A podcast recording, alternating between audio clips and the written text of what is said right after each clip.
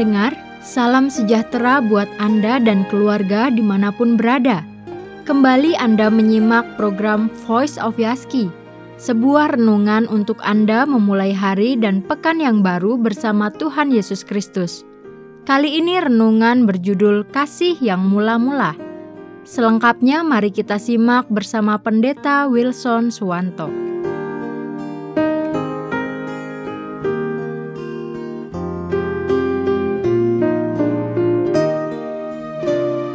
Saat ini kita akan bersama-sama merenungkan satu tema, yaitu kasih mula-mula.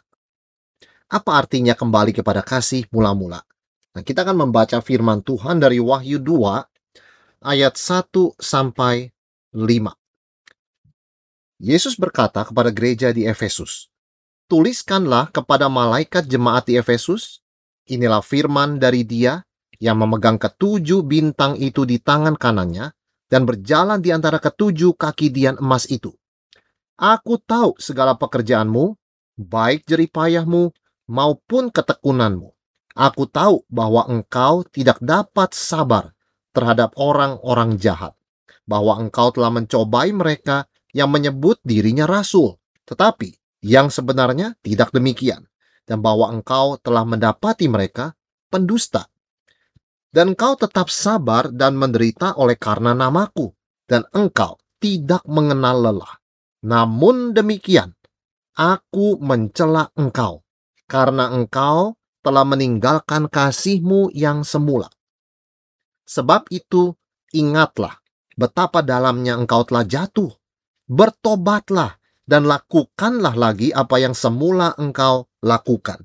Jika tidak demikian, aku akan datang kepadamu dan aku akan mengambil kaki dianmu dari tempatnya, jikalau engkau tidak bertobat.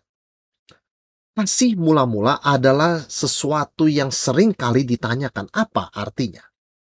Untuk lebih mengerti hal ini, kita harus melihat konteksnya terlebih dahulu.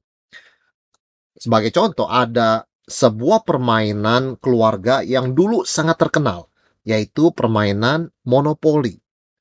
Asal-usul permainan monopoli ini sebetulnya dibuat untuk mengajarkan kepada masyarakat dengan cara yang sangat mudah, yaitu cara main game. Akan bahayanya keserakahan. Tujuan dari pembuatan game monopoli ini adalah semua yang bermain itu bisa mengetahui, bisa belajar betapa bahayanya keserakahan itu dan karena itu kita harus bermurah hati dan belajar berbagi. Tetapi seiring berjalannya waktu, permainan itu semakin populer dan dinikmati banyak orang. Tanpa sadar orang mulai lupa tujuan asal-usul dibuatnya game monopoli ini. Justru di kemudian hari, orang main monopoli untuk melampiaskan keserakahan mereka untuk merebut sebanyak-banyaknya properti sampai membuat lawan mainnya tidak punya properti sama sekali. Jadi permainan yang asal usulnya untuk menyatukan keluarga dan mengajarkan bahayanya keserakahan telah berubah membuat keluarga berkompetisi saling serakah satu kepada yang lain. Mengapa bisa demikian? Karena sudah menyimpang dari tujuan semula, dari versi yang original. Nah, ini juga bisa terjadi kepada siapa pun dan apa pun, termasuk pada gereja dan juga kepada orang Kristen. Kita bersyukur gereja adalah milik Kristus, tubuh Kristus. Karena itu Kristus peduli akan keadaan gereja, dia datang mengunjungi gereja, dia hadir dalam gereja, dia memerintah di dalam gereja, yang karena itu matanya mengawasi. Mengawasi dan selalu mengingatkan dan menegur ketika gereja itu lupa atau menyimpang dari tujuan utama. Yesus memuji ketika gereja melakukan apa yang benar, dan Yesus menegur ketika gereja melakukan apa yang salah, dan memperingatkan supaya tegurannya itu diresponi dengan pertobatan, atau akan ada konsekuensi untuk gereja. Kembali kepada pertanyaan, apa tujuan original gereja didirikan oleh Kristus? Jelas tujuannya adalah untuk menjadi saksi Kristus dengan saling mengasihi dan melayani. Di sini kita menemukan tiga istilah yang sangat terkenal menjadi saksi Kristus marturia, saling mengasihi bersekutu koinonia, dan melayani diakonia. Gereja yang sehat, yang taat kepada Tuhan adalah gereja yang mengingat ketiga tugasnya ini. Ketika sebuah gereja mulai melupakan tugasnya, justru karena memang Yesus sangat mengasihi gereja, dia datang untuk menegurnya. Ketika Tuhan menegur, itu adalah ekspresi kasih Tuhan. Kalau Tuhan tidak mengasihi kita, dia akan biarkan kita berjalan salah. Justru karena dia sangat mengasihi kita, dia akan sering menegur, dia akan sering mengingatkan. Kita tidak boleh melihat peringatan teguran Tuhan seolah-olah sebagai ekspresi murka Tuhan. Tidak. Murka Tuhan diekspresikan dengan menghukum, tetapi teguran, disiplin adalah ekspresi kasih Tuhan. Dan kepada gereja di Efesus dan tentunya kepada enam gereja lain yang ada di dalam kitab Wahyu pasal kedua dan ketiga, Yesus datang mengunjungi. Dia menyebutkan apa yang mereka lakukan dengan benar, dia memuji pekerjaan mereka kalau itu benar, dan dia menegur kalau mereka menyimpang. Gereja pertama yang dikunjungi oleh Yesus di dalam kitab Wahyu adalah gereja Efesus. Gereja ini ada di kota besar dan gereja ini gereja yang besar di mana Rasul Paulus menghabiskan waktu 2 sampai 3 tahun di kota ini mengajar firman Tuhan, membina iman jemaat sampai mereka bertumbuh dewasa dan kuat solid di dalam pengajaran firman Tuhan. Dan surat Efesus sendiri, bukan surat Wahyu, tetapi surat Efesus sendiri diedarkan kepada banyak gereja. Yang Yesus puji dari gereja Efesus ini, menurut Wahyu 2 yang kita baca tadi adalah jerih payah mereka, ketekunan mereka, ketegasan mereka terhadap ajaran dan pengajar sesat. Betapa mereka sangat membela doktrin yang benar, dan mereka pun membenci perbuatan sesat dan penyembahan berhala. Yesus memuji semua itu, dan dari situ kita tahu mereka sangat mengasihi Tuhan. Mereka melakukan pekerjaan Tuhan dengan tekun, dengan sungguh-sungguh, dengan setia. Dan apa rahasianya gereja Efesus bisa demikian baik? Karena mereka memang selama beberapa tahun diberikan fondasi-fondasi iman melalui pengajaran Rasul Paulus. Mereka mendapatkan pengajaran yang solid dan mereka juga hidup di tengah penganiayaan. Di kota Efesus yang adalah pusat penyembahan berhala, kehadiran gereja Efesus mendapatkan perlawanan dan tekanan dari orang-orang sekitar. Sehingga mereka sudah terbiasa menderita. Mereka sudah terbiasa melayani di tengah himpitan dan aniaya. Dan itu menguatkan iman mereka, memperdalam ketekunan mereka di dalam mengikut dan melayani Yesus. Tetapi Tuhan Yesus tidak pernah ingin gereja hanya biasa-biasa. Dia ingin gereja lebih disempurnakan, lebih serupa dengan dia. Karena gereja adalah tubuh Kristus. Karena gereja adalah mempelai perempuan Kristus. Dia membasuh gereja dengan darahnya. Dia rela mati bagi gereja supaya menjadi kudus dan tak bercacat. Gereja yang sejati, gereja milik Kristus selalu diperbarui. Yesus melihat ada sebuah kekurangan besar di tengah kelebihan-kelebihan gereja Efesus. Apa itu? Mereka telah meninggalkan kasih yang semula kasih mula-mula. First love. Perhatikan, tidak dikatakan bahwa mereka tidak pernah mengasihi. Mereka pernah mengasihi.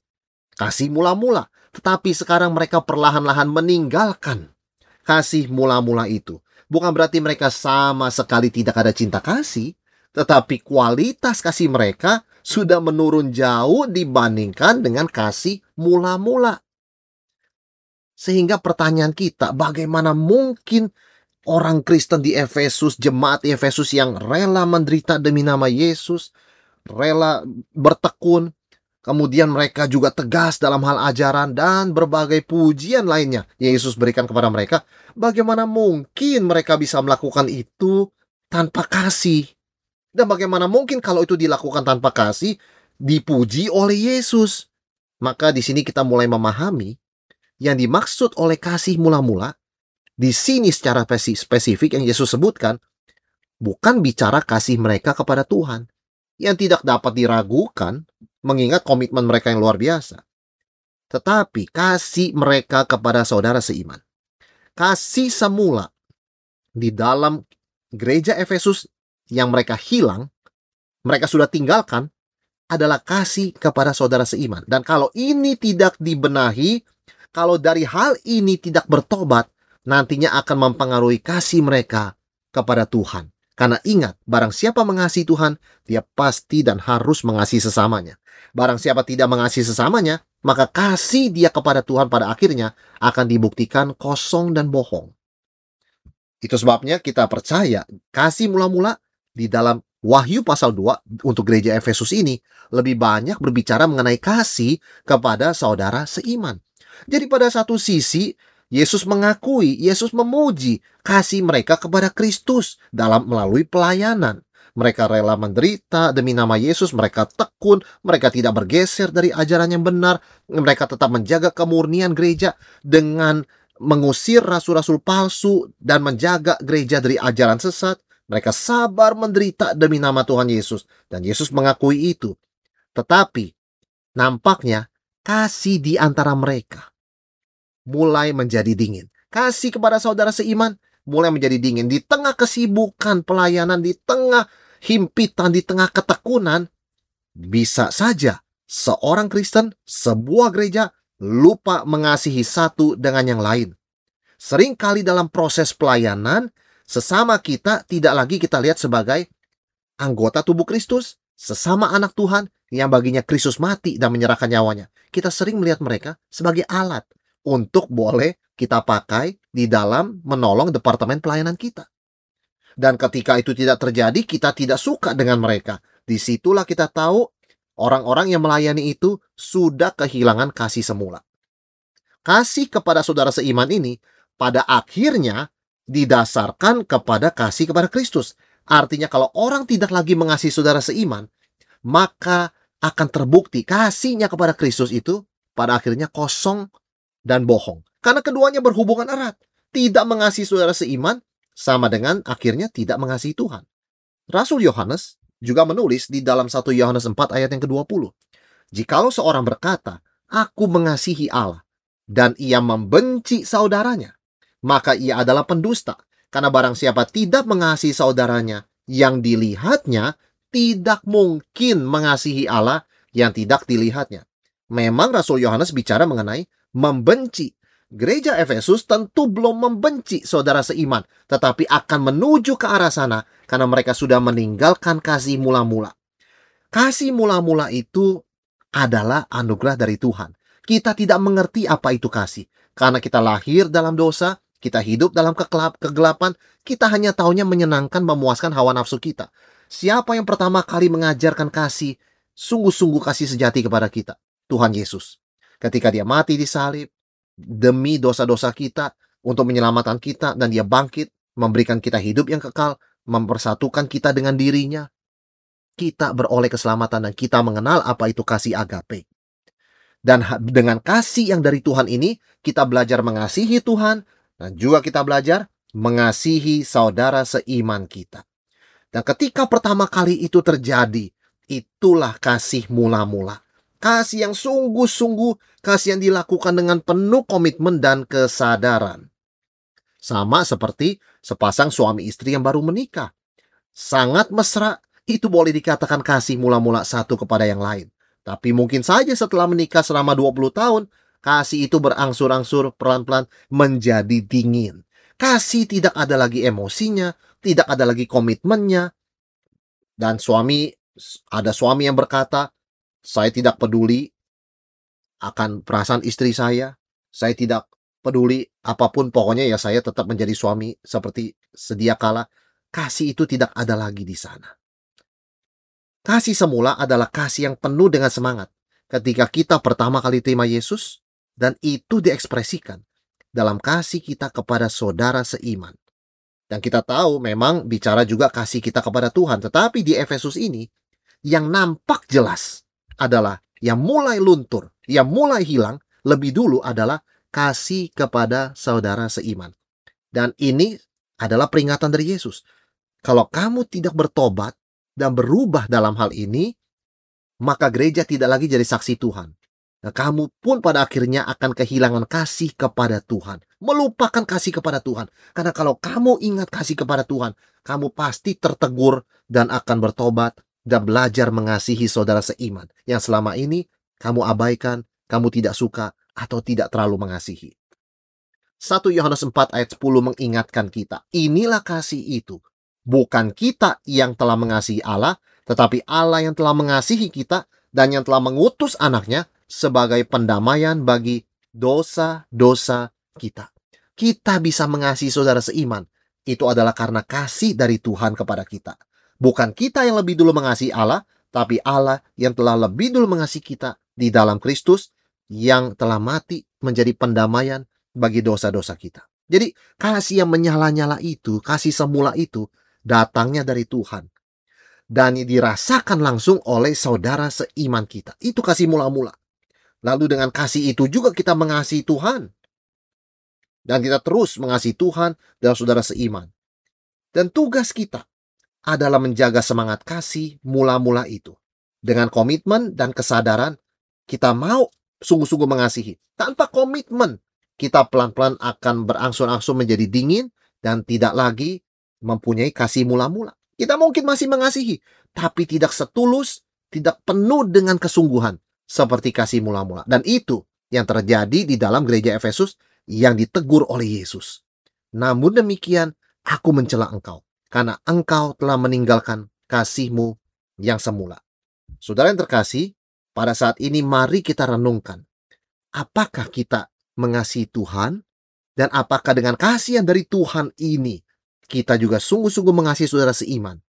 Apakah kita ingat bahwa Tuhan memerintahkan kita untuk saling mengasihi seperti Yesus telah mengasihi kita? Gereja Efesus mengasihi Tuhan saat itu, tetapi mereka mulai meninggalkan kasih mula-mula, kasih kepada saudara seiman, dan ini yang mereka lalaikan, dan di situ ada suatu bahaya rohani di mana mereka pada akhirnya juga akan meninggalkan kasih kepada Tuhan. Kiranya pada saat ini kita boleh diingatkan dan boleh merenungkan dan boleh berdoa di hadapan Tuhan sejauh mana kita sungguh-sungguh mengasihi Tuhan dan khususnya dalam masa pandemi ini mengasihi saudara seiman yang mungkin jarang kita lihat secara fisik dengan kasih yang sungguh-sungguh dari Tuhan. Dan kita akan teruskan di dalam perenungan berikutnya dengan bagaimana seseorang bisa meninggalkan kasih semula dan bagaimana kasih mula-mula itu bisa dikembalikan. Demikian Voice of Yaski bersama Pendeta Wilson Swanto berjudul Kasih yang Mula-Mula. Anda dapat kembali menikmati atau bahkan membagikan renungan ini melalui akun Spotify Voice of Yaski. Sekali lagi, akun Spotify Voice of Yaski. Bila Anda ada pertanyaan atau kesaksian, seputar renungan kita kali ini, silahkan kirimkan pesan Anda melalui WhatsApp di 0855 885 1006 0855 885 1006 Selamat beraktivitas dan salam sehat selalu.